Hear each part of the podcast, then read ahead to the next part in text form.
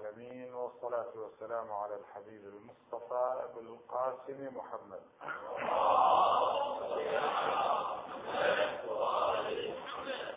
صلى الله عليه وآله الطيبين الطاهرين. بسم الله الرحمن الرحيم. وإذ قال ربك للملائكة إني جاعل في الأرض خليفة. قالوا أتجعل فيها من يفسد فيها ويسفك الدماء ونحن نسبح بحمدك ونقدس لك. قال إني أعلم ما لا تعلمون.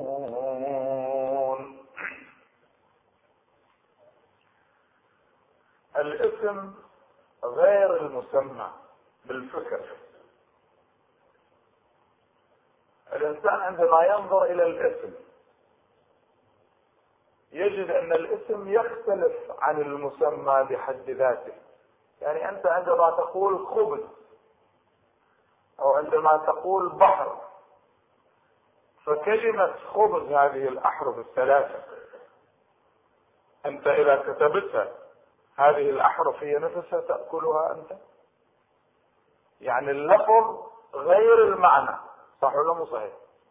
إذا كنت جائعا وقلت خبز ألف مرة تشبع لازم تروح للمعنى خبز نفسه تأخذ. إذا قلت بحر وأنت بعيد عن البحر لا يمكن أن ترى البحر. ولا يمكن أن تعرف عظمة البحر إلا أن تنزل في الماء. شوفوا في مدرسة أهل البيت رأسا أنا أدخل فيكم الآن من دون مقدمة انتبهوا. واحد يسأل الإمام الصادق سلام الله عليه. يعني عن أسماء الله الحسنى. فالإمام سلام الله عليه يقول له شوفوا لاحظوا عمق العقيدة في مدرسة أهل البيت. يقول له يا هشام الاسم غير المسمى. من عبد الاسم اللفظ دون المعنى فقد كفر. ومن عبد الاسم والمعنى فقد أشرك بالله. فقال له سيدي كيف يكون الإيمان؟ قال أن تعبد المعنى. المعنى تتوجه إليه وهذه الأسماء كلها متنوعة ومختلفة تشير إلى المعنى الذي هو الله سبحانه وتعالى. متفقين شلون؟ يضاف إلى ذلك أن لكل اسم مظهر في الكون. الله سبحانه وتعالى جعل أسماءه الحسنى ظاهرة في الوجود. عندما تقول الرحمن الرحيم تجد الرحمة موجودة في الكون. عندما تقول الوهاب تجد هبات رب العالمين ما تنقطع عن الناس. يا ذا المعروف الذي لا ينقطع أبدا. عندما تقول الرزاق تجد الرزق ما ينقطع عن البشر ابدا. كما قال موسى سلام الله عليه إنه سمع تلك النملة في صخرة في جوف البحر وهي ظهيره عمياء تسبح الله وتقدسه وتقول سبحان الذي لا ينسى احدا من خلقه ومن عباده. شوف الملاحظة وين تجي؟ عندما تقول القدير القادر فتعلم أن كل حول وقوة في الوجود هي مصدرها من الله سبحانه وتعالى. وليس من الإنسان. أنا أقوم حتى في صلاتي أقول بحول الله وقوته أقوم وأقعد. أرفع يدي بحول الله وقوته. أحرك يدي بقدرة الله. الله أعطاني طاقة أن أحرك يدي. ولكن جعل حركة اليد تتبع ارادته والإرادة منه أيضا.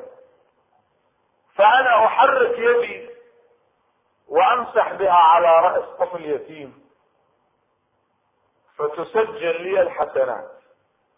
أو أحرك يدي وأضرب ذلك اليتيم بيدي.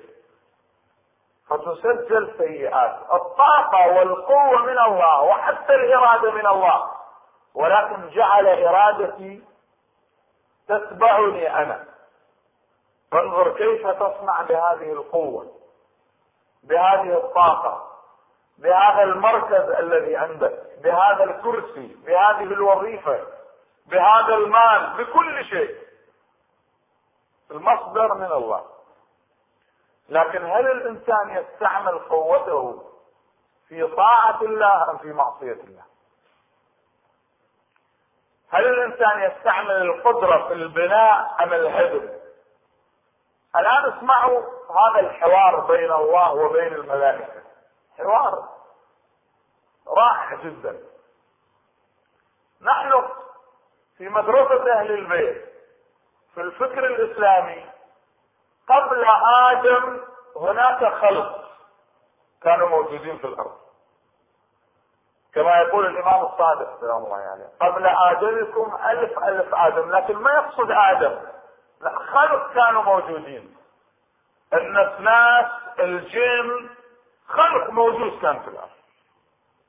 وكان من الخلق يحكمهم إبليس الرجيم. الشيطان كان يحكمهم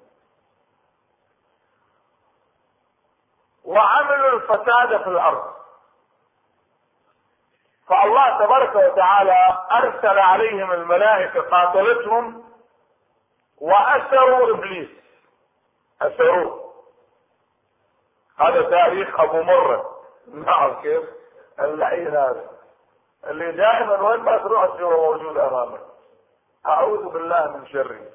تريد تصوم من صلاة الصبح يقول لك لا بعد خمس دقائق ترجع على مكانك إلى ان تطلع الشمس. إذا طلعت الشمس يرقص يضحك يفرح أنه أنت ما صليت خسرت. ولذلك أكبر مصيبة على الشيطان عندما يسجد الإنسان لله. يصرخ ويصيح ويلي لأنه عصى الله في السجود. ولذلك الرسول صلى الله عليه وسلم يقول اطيل السجود لما جاءه الاعراب ذات الرجل. قال يا رسول الله أنا ما عندي قدرة على المستحبات والكذا إنما أمشي على الواجبات. أنا أصلي صلاتي فقط وأصوم رمضان وأذهب إلى حج بيت الله الحرام مرة واحدة وأدفع الخمس والزكاة أكثر من هذا ما مستعد أن أصنع. فهل أدخل الجنة؟ قال نعم تدخل الجنة. فلما ابتعد الرسول أوصاه. قال مع هذه كلها ولاية هذا وأشار إلى أمير المؤمنين علي. تحب وتواهيه وتمشي على الواجبات وتترك المحرمات هذا مو شيء بسيط. مو شيء بسيط. واحد يستمر على الواجب ويترك الحرام. عظيم جدا. طبعا في تدرج يرتفع الإنسان إلى درجة أكبر من الواجب والحرام. يعمل المستحبات ويترك المكروهات. يعني يترك الحرام ويعمل الواجب. هذه درجة عظيمة لكن في درجة أعلى أنه يعمل الواجب ويترك الحرام لكن يعمل المستحب ويترك المكروه. مثلا النوم بين الطلوعين مكروه ما ينام لاحظوا في الشارع إذا على سبيل المثال وهو يمشي وهو يمشي في ممشاه لا يمشي مرحا رغم أنه ليس حراما ما يقصد شيء بس يقول اقصد في مشي يسلم على الناس على المستحب. إذا سلموا عليه يرد الجواب عليه فيرتفع إلى المكروه يبتعد عنه والمستحب يصنعه. لاحظ كيف؟ فلما بعد الرجل الأعرابي بعد عن الرسول ناداه رسول الله صلى الله عليه وسلم قال يا أخ العرب. قال نعم يا رسول الله. لأنه هو طلب الجنة. قال للرسول الله صلى الله عليه وسلم تضمن لي الجنة؟ إذا أنا مشيت على هالأمور. الرسول قال أضمن لك الجنة لكن شرط أن توالي أمير المؤمنين عليا وتحبه. فلما ذهب الأعرابي الرسول ناداه. قال يا أخ العرب قال نعم يا رسول الله. قال أعنا بطول السجود والركوع. شلون تعبير جميل؟ أعنا لأنك أنت طلبت مني أني أضمن لك الجنة فلازم تعيني مو صح ولا مو صحيح؟ فبأي شيء تعيننا؟ بطول الركوع والسجود. لأن الركوع والسجود معصية إبليس في السجود نفسه عندما يسجد الإنسان لا يتعجل. لا يتعجل.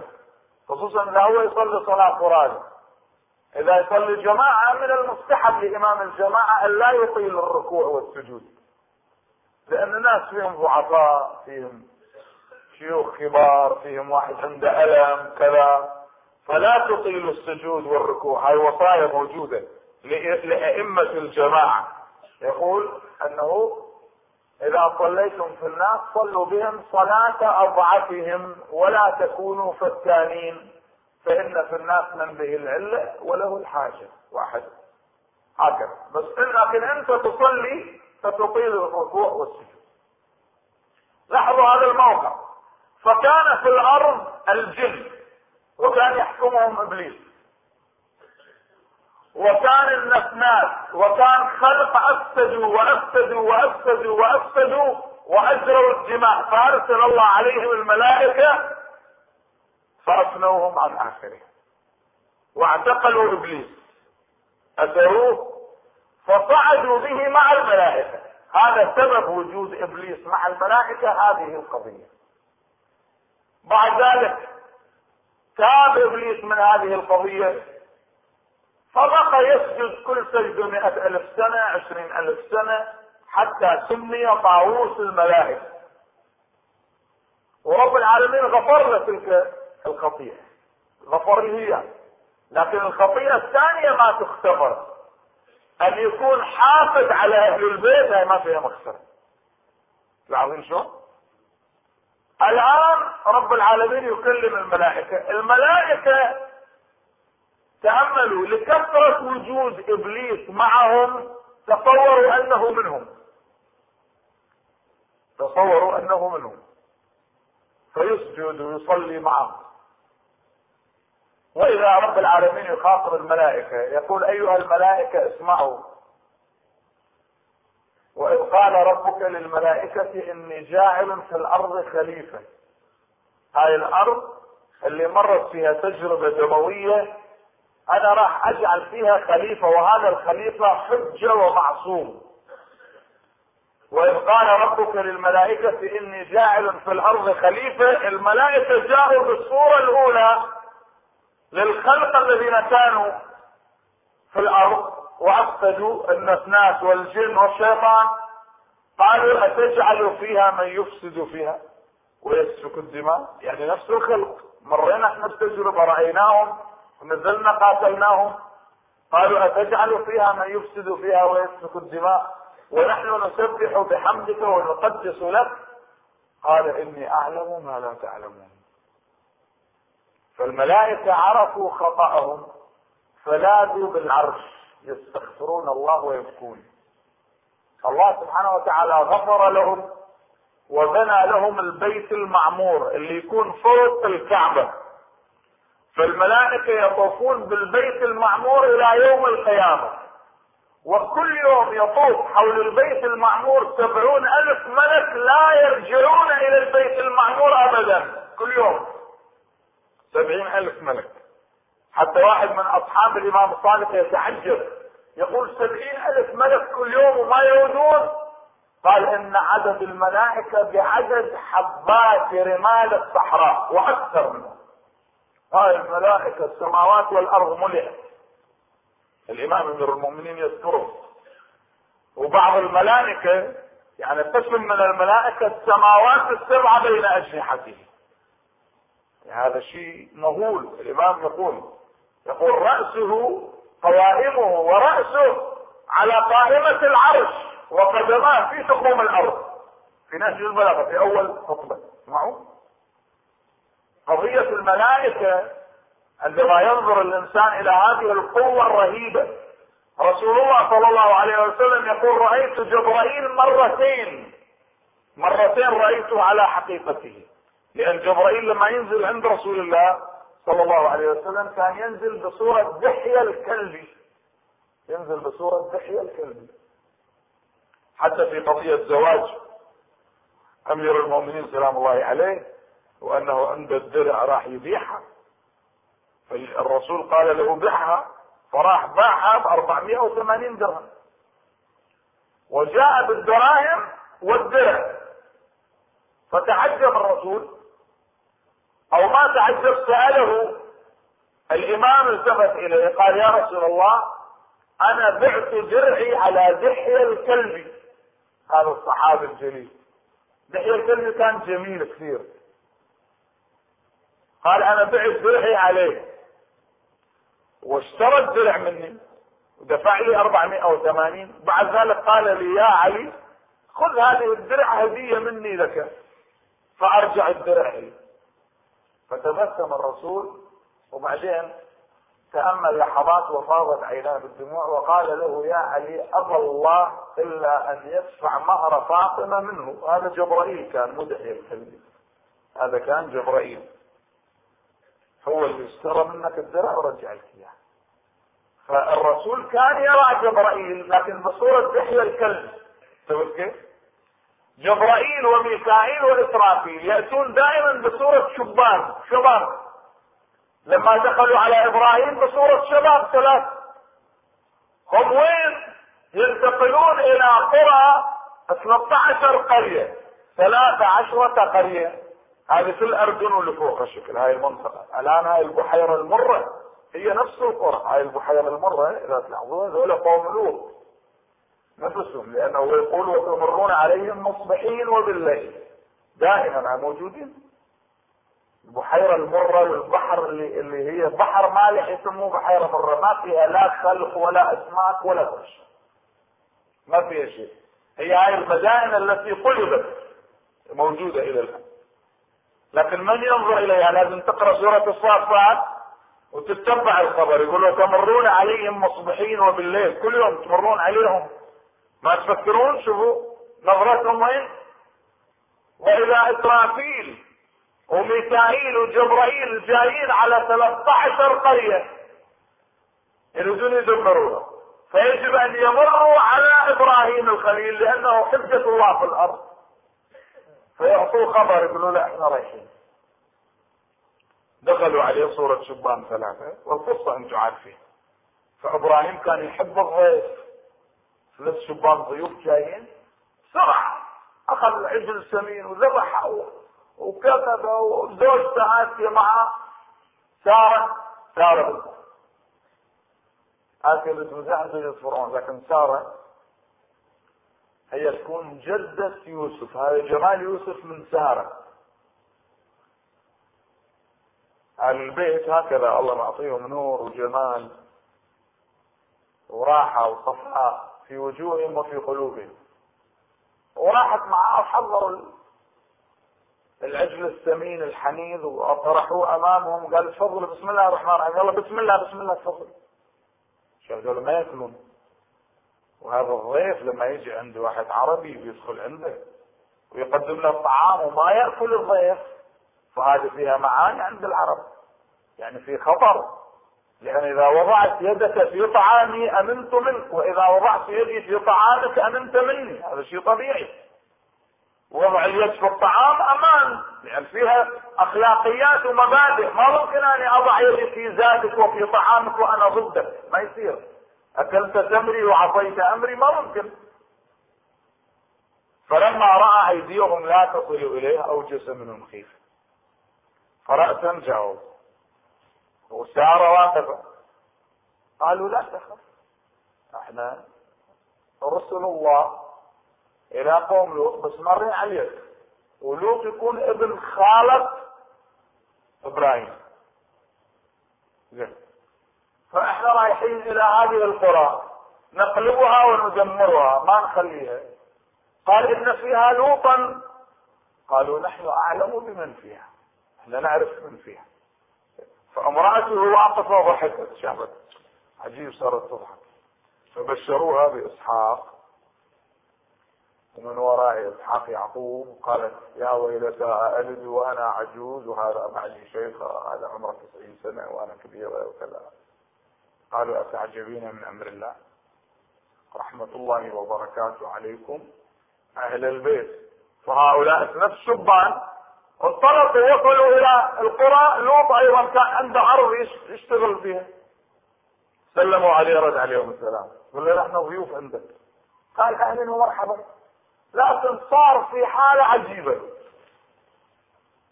قال إنه يوم حصين. أنتم جايين عندي مع هؤلاء القوم اللي ما يعرفون الله ولا يعرفون اليوم الآخر ولا أخلاق ولا شيء وانطلقوا معه فكان متعلم فلما رأوا ثلاث شبان معاه بدأوا بعشرات الألوف يستهزئون وكذا وحركات خاصة عندهم حتى يعبثوا بضيف النبي سلام الله عليه يعني. قال أليس لي قوة أو آوي إلى ركن شديد يكون عندي ركن. الآن منو عند جبرائيل وميكائيل وإسرافيل. أقوى من ذولا موجود. شوف القوة اللي موجودة عندك بس هو ما كان يعرفها هذه من هو؟ حجبت عنه حتى يبين بينه وبين الركن الشديد والقوة أصابع فقط. رأسا وإذا يسمع واحد من هؤلاء الثلاثة يتكلم معه يا لوط إنهم لن يصلوا إليك. أنا جبرائيل. الله أكبر. شوفوا رحمة رب العالمين تأملوها. لا تيأس من رحمة الله. دائما أنت أحيانا تفكر وتشوف رحمة رب العالمين بينك وبينها لحظة رمشة عين طرفة عين. بس. فدائما الإنسان مع الله يكون. بمجرد أن قال يا لوط من يصل إليك انتهى. لوط أيضا صار يكلمهم لأن ما ممكن هو نبي يقول لهم هؤلاء ملائكة عندي ما يصير يقول هذا الكلام. لإلقاء الحجة عليهم. فيقول لهم هؤلاء بناتي هن أطهر لكم. ولما يقول بناتي ما يقصد بناته هو لأن هؤلاء عشرة آلاف أو أكثر فهو كم بنت عنده حتى يقدمها لهؤلاء يتزوجون. يقول هؤلاء بناتي يقصد بناتي بنات المجتمع لأن النبي أبو الناس. ولذلك في الآية المباركة يا أيها النبي قل لأزواجك وبناتك ونساء المؤمنين يدنين عليهن من جلابيبهن بعضهم يقول لك شوف القرآن يقول وبناتك يعني الرسول عنده بنات غير فاطمة. لا. بناتك هنا نفس كلام لوط هؤلاء بناتي وان أطهر لكم. يعني البنات البنات اللي موجودات في المجتمع بنات الأمة الإسلامية. ما يقصد بناتي هو الروح يعني معقولة. يقول لي عشرة آلاف هؤلاء بناتي أظهر لكم العقل يقبلها؟ المنطق يقبل هذا الكلام؟ لأنه أبو الأمة. قال يا علي أنا وأنت أبوا هذه الأمة. فبنات الأمة المسلمات البنات المؤمنات المسلمات النبي أبوهم. فهذه بنت النبي تعتبر فلذلك هؤلاء بناتهن اطهر لكم يفسر لك يا أيها النبي قل لأزواجك وبناتك ونساء المؤمنين. يعني أزواجك ازواجك وبناتك البنات اللي موجودات. ونساء المؤمنين لأن الحريم إما بنات ما متزوجات أو نساء متزوجات. منتبهين شلون؟ فهو يقول أزواجك وبناتك يعني بنات المجتمع لأنك أنت أبوهم. ونساء المؤمنين يدنين عليهن من جلابيبهن. وإلا رسول الله ما عنده إلا فاطمة روحي فداها ابدا. اللي يقول غير هذا ما عارف الأمور. يعني التاريخ كله يبين هذه الحقيقة. حتى الزهراء تقول فإن تعزوه وتعرفوه تجدوه أبي دون نسائكم وأخ ابن عمي دون رجالكم. فما حد ما ممكن واحد يفكر أن رسول الله رقية وام كلثوم وزينب بنات النبي زين بنات هاله أخت خديجة. ويمكن اليوم من الأيام القي محاضرة في هذا الشأن لأن لو كنا بنات النبي ما يتزوجهم لمشركين. ما ممكن يعطيهم لأن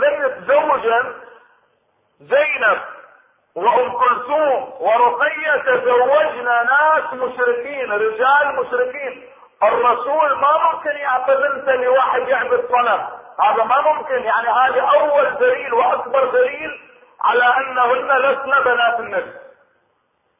متزوجات. بناتها على أخت خديجة ومتزوجات. واحدة ماخذة ابن أبو لهب واحدة ابن كذا. رجالهم مشركين. يعبدون الأصنام. كفره ما ممكن بنت النبي يعطيها لكافر ولا تقل أنه قبل أن ينزل عليه الوحي حتى قبل أن ينزل عليه الوحي هو نبي. ثم قبل نزول الوحي على النبي.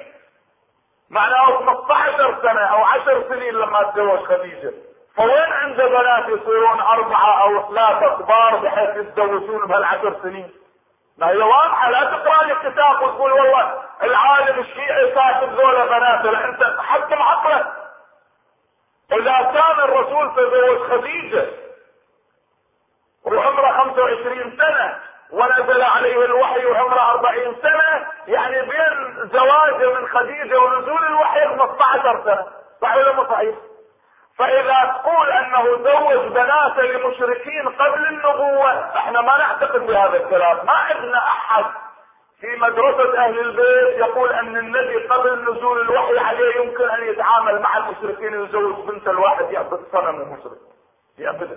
ما ممكن. بس على هذا الرأي اللي ما نقبله مع هذا الرأي 15 سنة بين زواجه من خديجة ونزول الوحي عليه. فهي 15 سنة أربع بنات عنده. كيف يكبرون ذول الثلاثة؟ من عندهم يصيرون كبار ويتزوجوه المشركين وكل المؤلفين يقولون أول أول الإنجاب لخديجة ما كان بنات أولهم أولاد ثلاثة. القاسم اولهم والطاهر وعبد الله فثلاث أولاد وبعدين اجوا البنات الثلاثة على هالأساس. فوين ذول الستة؟ شلون يعني صارت خديجة؟ ستة هم بطن وحده جابتهم مرة واحدة صاروا. مو المشكلة واحد يقرأ الكتاب يقول لك هذا مكتوب بالكتاب. طيب مكتوب لكن عقلك وين؟ مو هذا اللي كاتب أعمى ما يفهم شيء. العقل المنطق أن رسول الله ما يزوج بناته المشركين. سؤال زينب وأم كلثوم ورقية اللي تقول بنات النبي تزوجنا رجال مشركين وكفار؟ الجواب نعم. اذا هؤلاء لسنا بنات النبي. خلاص. لأن الرسول ما ممكن يعطي بنته لواحد مشرك. هو من يومه نور الله خلق. هو يقول أنا نبي وآدم بين الماء والطين. لاحظين شلون؟ وإلا كيف؟ عيسى ابن مريم في مهده وفي حجر أمه ينزل عليه الوحي وينزل عليه جبرائيل وينزل عليه الإنجيل ويقول إني عبد الله آتاني الكتاب وجعلني نبيا. كيف؟ عيسى يكون نبي وهو بالمهد ومحمد رسول الله أشرف الأنبياء ما يصير نبي هو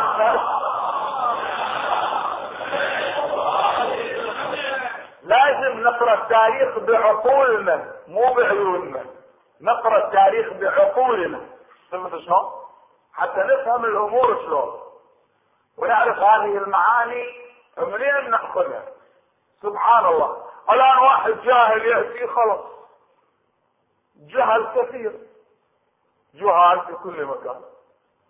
هذه مدرسة تدخل في مدرسة في ثانوية بنات. فما أقول وين أترك المسألة هكذا.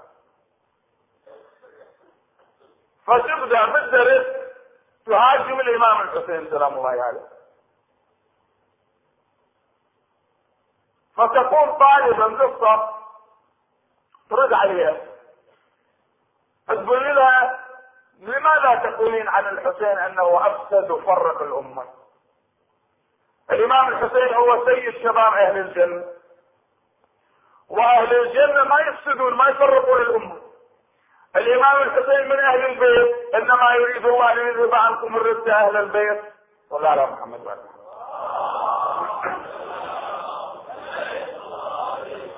الإمام الحسين من أهل البيت إنما يريد الله ان يذهب عنكم الرزق أهل البيت ويطهركم تطهيرا.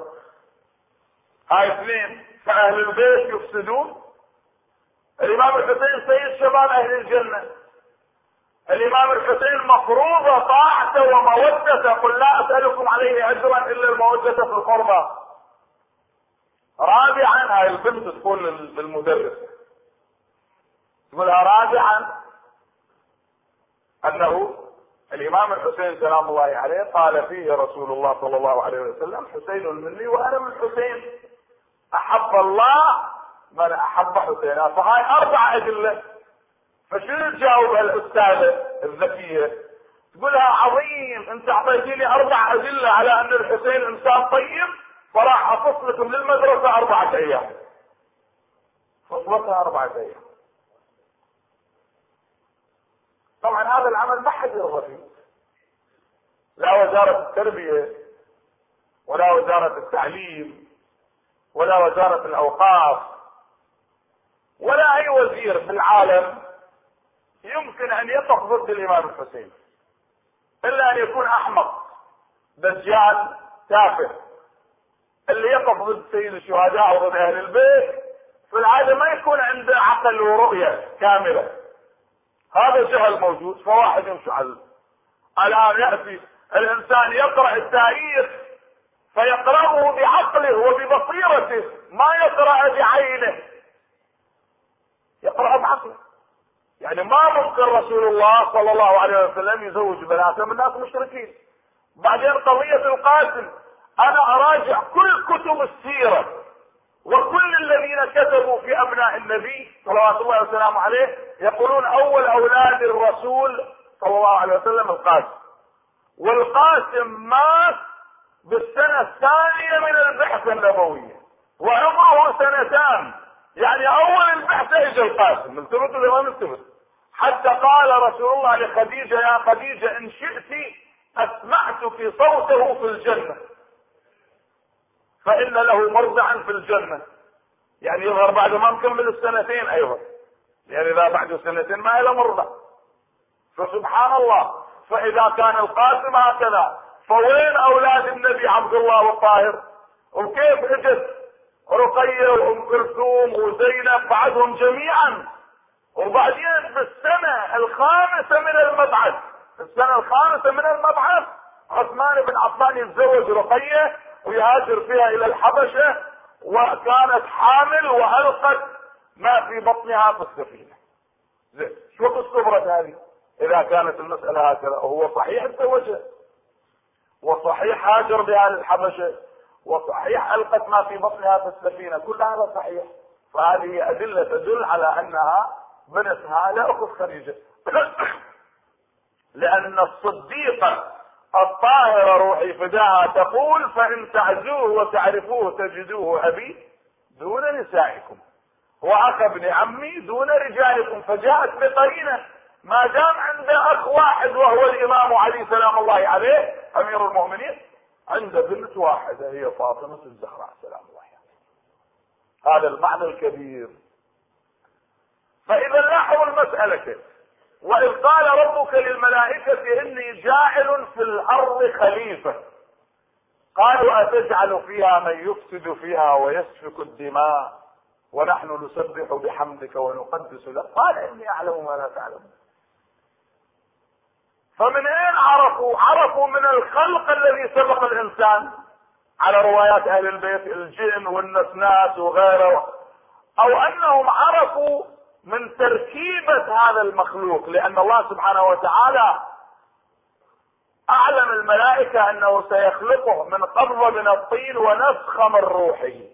فهناك غريزة وعقل موجودة في هذا المخلوق. إذا وجدت الغريزة والعقل صار الصراع موجود. وإذا صار الصراع فمعناه هناك الفساد أيضا. رب العالمين قال إني أعلم ما لا تعلم.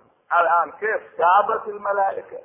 وبكى ولاذوا بالعرش والله فتح لهم البيت المعمور ويطوفون يوميا سبعين ألف ملك إلى آخر القصة اللي موجودة. لكن لاحظوا دقة التعبير وين؟ إني أعلم ما لا تعلمون. هاي كلمة قوية.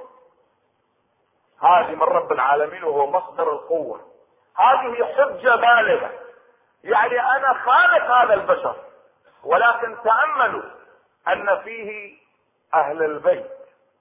تأملوا اعلموا أن في آدم نور محمد وأهل بيته. هذا اللي موجودين. هذا المعنى لاحظوا؟ ولذلك الملائكة لما عرفوا المسألة من خلال آدم. وعلم آدم الأسماء كلها ثم عرضهم على الملائكة. شوف ثم عرضهم على الملائكة. يعني ما يقول الأسماء الأسماء عرضها. لا عرضهم المسميات الأشخاص. عرضهم على الملائكة. فقال أنبئوني بأسماء هؤلاء. علم آدم الأسماء. كلها صحيح. نحن لا نختلف. كل أسماء الوجود علمها الله لآدم وعلمها الله آدم صح. لكن من بين هذه الأسماء اللي يتحدى فيها الملائكة هي أسماء أهل البيت أسماء المعصومين 14 أسماء الرسول والزهراء والأئمة الاثني عشر هذه معنى الأسماء والأسماء مو مجرد أسماء. كل واحد من الأسماء كل واحد منهم كان رب العالمين يحكي للملائكة عنه يكلمهم عنه. كما أنه في القران لما يذكر أسماء المل... ال... الأنبياء يتحدث عنهم. واذكر في الكتاب إبراهيم إنه كان صادقا وكان رسولا نبيا وإدريس صادق الوعد وكان رسولا نبيا وكان يأمر أهله بالصلاة وكان عند ربه مرضيا وعند الله مرضيا. صح ولا مو صحيح؟ فما يجيب الاسم فقط إنما يحكي عن حياته.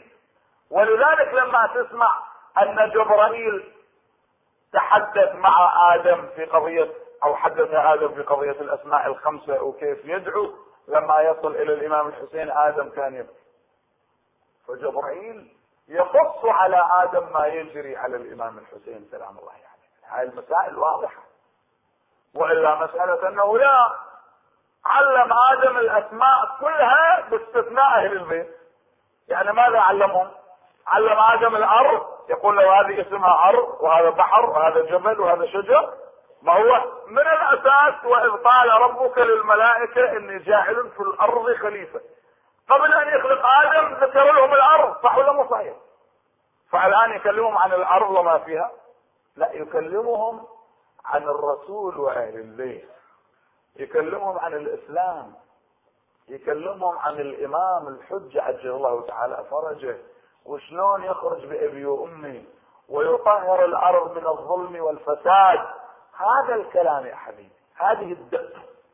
ولذلك الخليفة قبل الخليفة على تعبير الشيخ الصدوق رحمة الله على روحه الطيبة.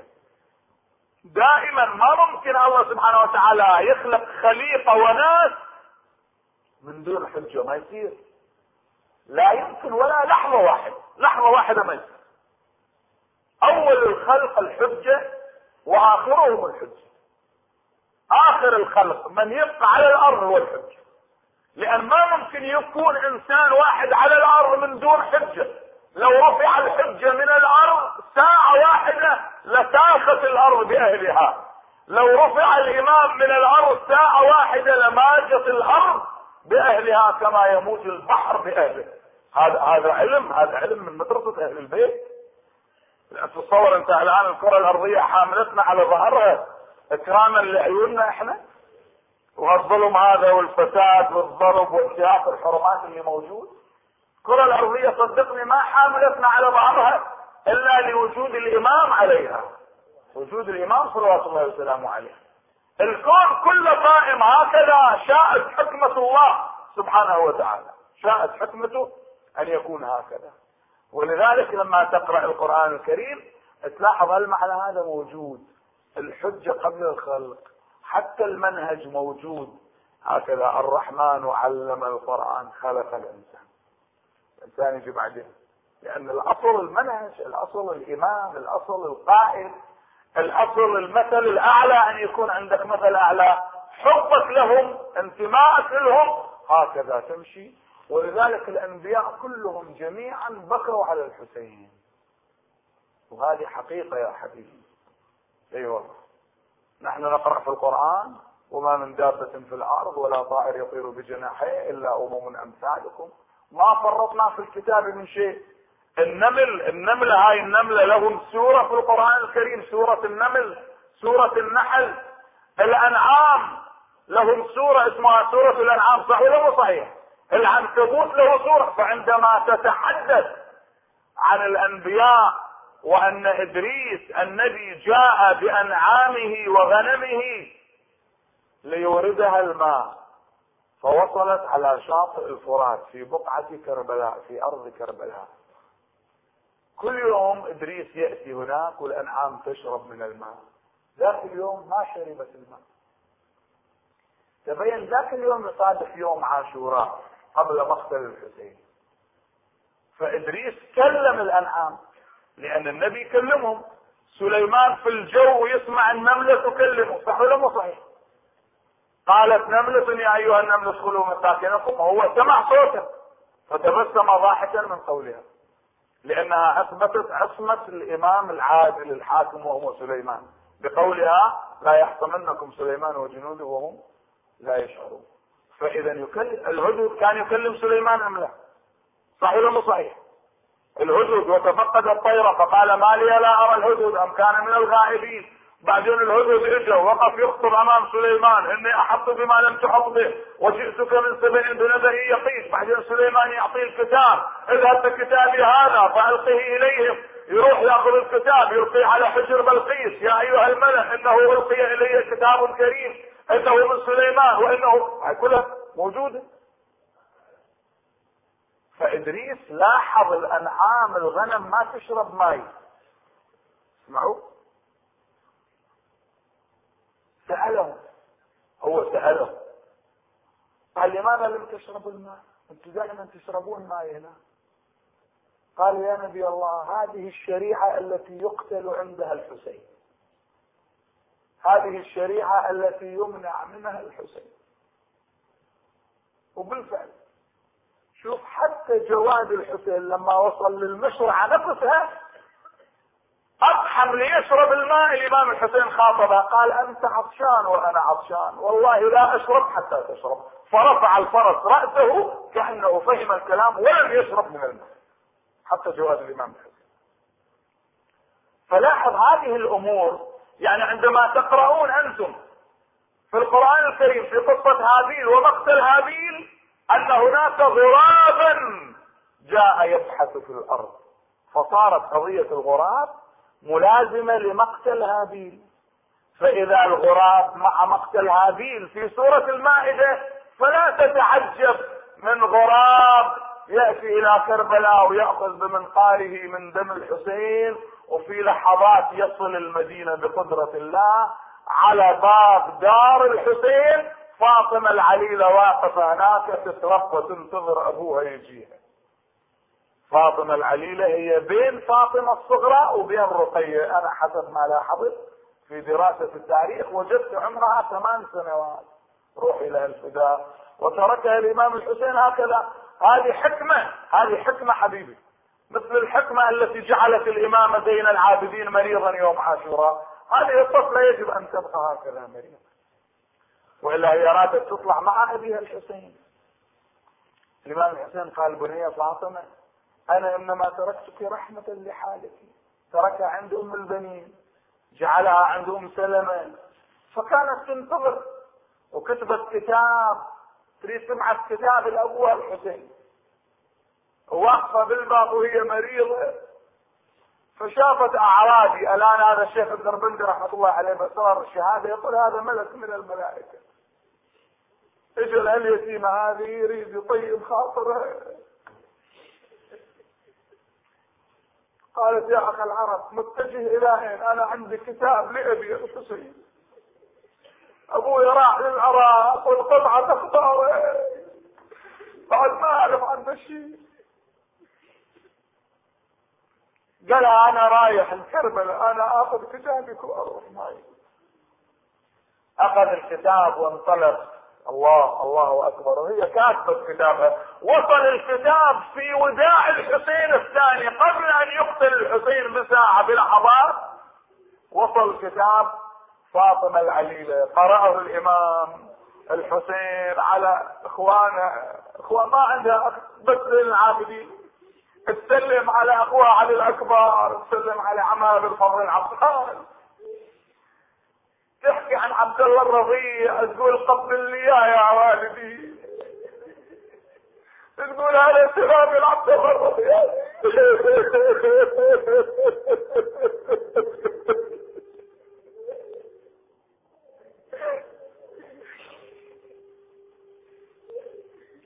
صار يقرا كتابه والنساء بالخيمة بكاء هذا سلام السكينة هذا سلام الفاطمة الكبرى هذا سلام الفاطمة الصغرى هذا سلام الرقية.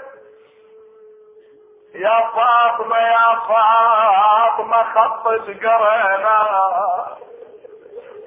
يا فاطمة خطت قرينا وسلامة لاخوتك والصبيبة ولاحظت هذا المعنى وين هي بأبيهم كانت ترسل خلف القافلة تصيح يا ابويا سنوني صاح الصوت اقرا الأبيات إلها إلها. صاح الصوت يا ابويا سنوني سنوني يا ابويا حسين وياكم اخذوني. وحدي وهم علي لا تخلوني وفقدكم يا أهل العلة شماله وياكم خذون افرج الخيل وحط فراشكم لو شلشل الليل. وإذا بها ترى الغراب أقبل يحمل دم الحسين. وقف على جدار بدار أبي عبد الله يحن ويبكي ويئن. فالتفتت إليه فاطمة تقول نعم الغراب فقلت من تنعاه ويحك يا غراب. قال الإمام فقلت من؟ قال الموفق للصواب. إن الحسين بكربلاء بين الاسنه والحراب. يا فاطمة فابكي الحسين بعبره ترضي الإله مضى الثواب ثم استقل به الجناح فلم يطق رد الجواب فبكيت مما حل بي. بعد الوصي المستجاب منه الذي سنعاه يقرا المنيه والله حنينك هيج احزاني علي. بسم الله الرحمن الرحيم. أمن يجيب المضطر إذا دعاه ويكشف السوء؟ أمن يجيب المضطر إذا دعاه ويكشف السوء؟ أمن يجيب المضطر إذا دعاه ويكشف السوء؟ أمن يجيب المضطر إذا دعاه ويكشف السوء. كم دقيقة للدعاء أنا خليتها هذه؟ بارك الله فيكم انتبهتوا لأننا نحتاج للدعاء. قل ما يعبأ بكم ربي لولا دعاؤكم. أمن يجيب المضطر إذا دعاه ويكشف السوء. باسمك العظيم الأعظم الأعز الأجل الأكرم. يا الله. يا الله يا الله يا الله يا الله يا الله يا الله يا الله يا الله يا الله يا الله. يا مجيب دعوة المضطرين نقسم عليك بأحب الخلق إليك محمد وعلي وفاطمة والحسن والحسين والتسعة المعصومين من ولد الحسين. فرج عنا يا الله.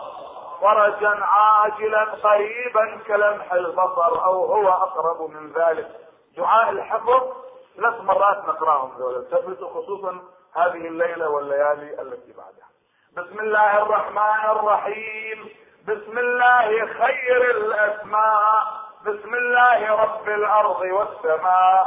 بسم الله الذي لا يضر مع اسمه سم ولا داء بسم الله أصبحت وأمسيت وعلى الله توكلت بسم الله على قلبي ونفسي. بسم الله على ديني وعقلي. بسم الله على أهلي ومالي. بسم الله على ما أعطاني ربي.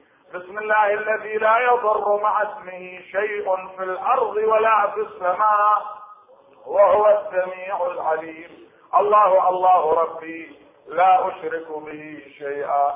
الله أكبر الله أكبر وأعز وأجل مما أخاف وأحذر. عز جارك وجل ثناؤك ولا إله غيرك. اللهم إني أعوذ بك من شر نفسي. ومن شر كل سلطان شديد ومن شر كل شيطان مريد ومن شر كل جبار عنيد ومن شر قضاء السوء ومن شر كل دابة أنت آخذ بناصيتها. إنك على صراط مستقيم وأنت على كل شيء حفيظ شهيد. إن وليي الله الذي نزل الكتاب وهو يتولى الصالحين. فإن تولوا فقل حسبي الله. لا إله إلا هو عليه توكل وهو رب العرش العظيم. والحمد لله رب العالمين. بسم الله الرحمن الرحيم. بسم الله وبالله ومن الله وإلى الله وفي سبيل الله وعلى ملة رسول الله صلى الله عليه وآله وسلم. اللهم إليك أسلمت نفسي وإليك وجهت وجهي وإليك أسندت ظهري وإليك فوضت أمري. فاحفظني بحفظ الإيمان من بين يدي ومن خلفي وعن يميني وعن شمالي ومن فوقي ومن تحتي. وادفع عني بحولك وقوتك فإنه لا حول ولا قوة إلا بالله العلي العظيم. بسم الله الرحمن الرحيم. يا حافظا لا ينسى ويا من نعمه لا تحصى. أنت الذي قلت وقولك الحق. إنا نحن نزلنا الذكر وإنا له لحافظون. والله خير حافظا وهو أرحم الراحمين. بسم الله الرحمن الرحيم. بسم الله ما شاء الله. لا يصرف السوء إلا الله. بسم الله ما شاء الله. لا يسوق الخير إلا الله. بسم الله ما شاء الله. ما يكون ما تكون من نعمة فمن الله. بسم الله ما شاء الله. لا حول ولا قوة إلا بالله العلي العظيم. بسم الله ما شاء الله. صلى الله على محمد وآله الطيبين الطاهرين. بسم الله الرحمن الرحيم. اللهم كن لوليك الحجة ابن الحسن. صلواتك عليه وعلى آبائه في هذه الساعة وفي كل ساعة وليا وحافظا وقائدا وناصرا ودليلا وعينا حتى تسكنه أرضك طوعا وتمتعه فيها طويلا. برحمتك يا أرحم الراحمين. وصلى الله على محمد وآله الطيبين الطاهرين وإلى أمات الجميع الفاتحة مع الصلوات. آه.